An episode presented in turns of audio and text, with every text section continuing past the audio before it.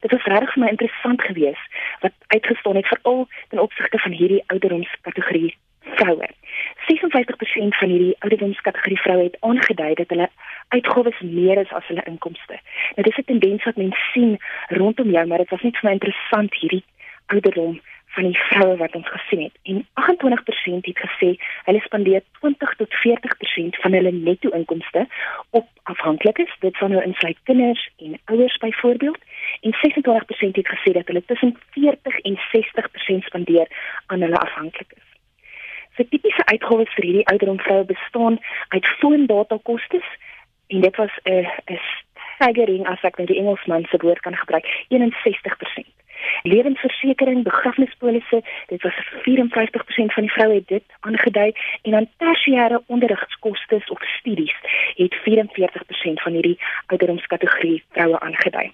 En wat nogal my getref het was die amper 60% wat gesê dat finansiële stres wat hulle het, tans hulle algehele stresvlakke beïnvloed en 41% het gesê dat dit selfs hulle slaappatrone op 'n gereelde basis kan beïnvloed. Die grootste finansiële bekommernis was dat 24% vroue gesê het dat hulle inkomste nie kan tred met inflasie deesdae nie.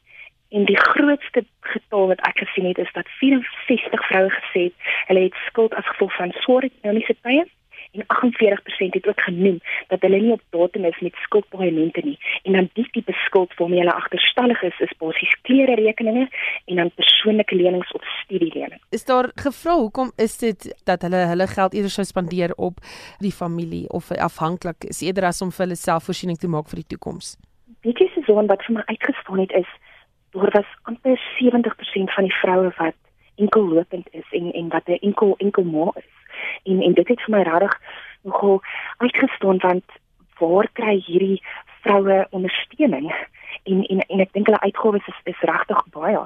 Natuurlik is daar vroue wat wat getroud is en wat 'n ehm 'n metgesaid en 'n en 'n partner het soos die Engelsman sou sê, maar die ding is dit is dis regtig dit wys net vir my daar is is vroue wat wat deur moeilike tye gaan en moeilike omstandighede en en mens wonder regtig het hulle die die nodige ondersteuning wanneer dit veral dan by by hulle finansies kom. Dink jy vrouens dink met hulle harte of hulle koppe?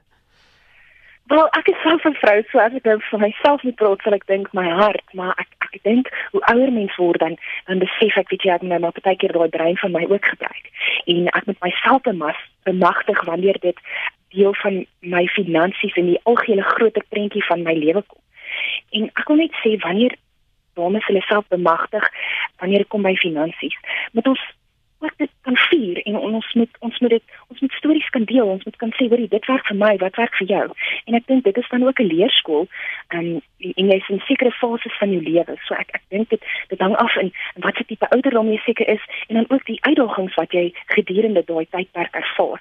So ek dink baie keer is as ons geneig om meer met ons hart te dink veral wanneer dit by die kinders kom en by die ouers en by ons vriende en dan is dit ook met ons op daai lyn trek en sê weet jy ek moet nou 'n bietjie meer aan um, uit die emosies uitklim en ek moet meer begin dink aan wat is meer die praktiese dinge vir my en vir die algehele groter prentjie as vrou en wanneer dit by die finansiële situasies kom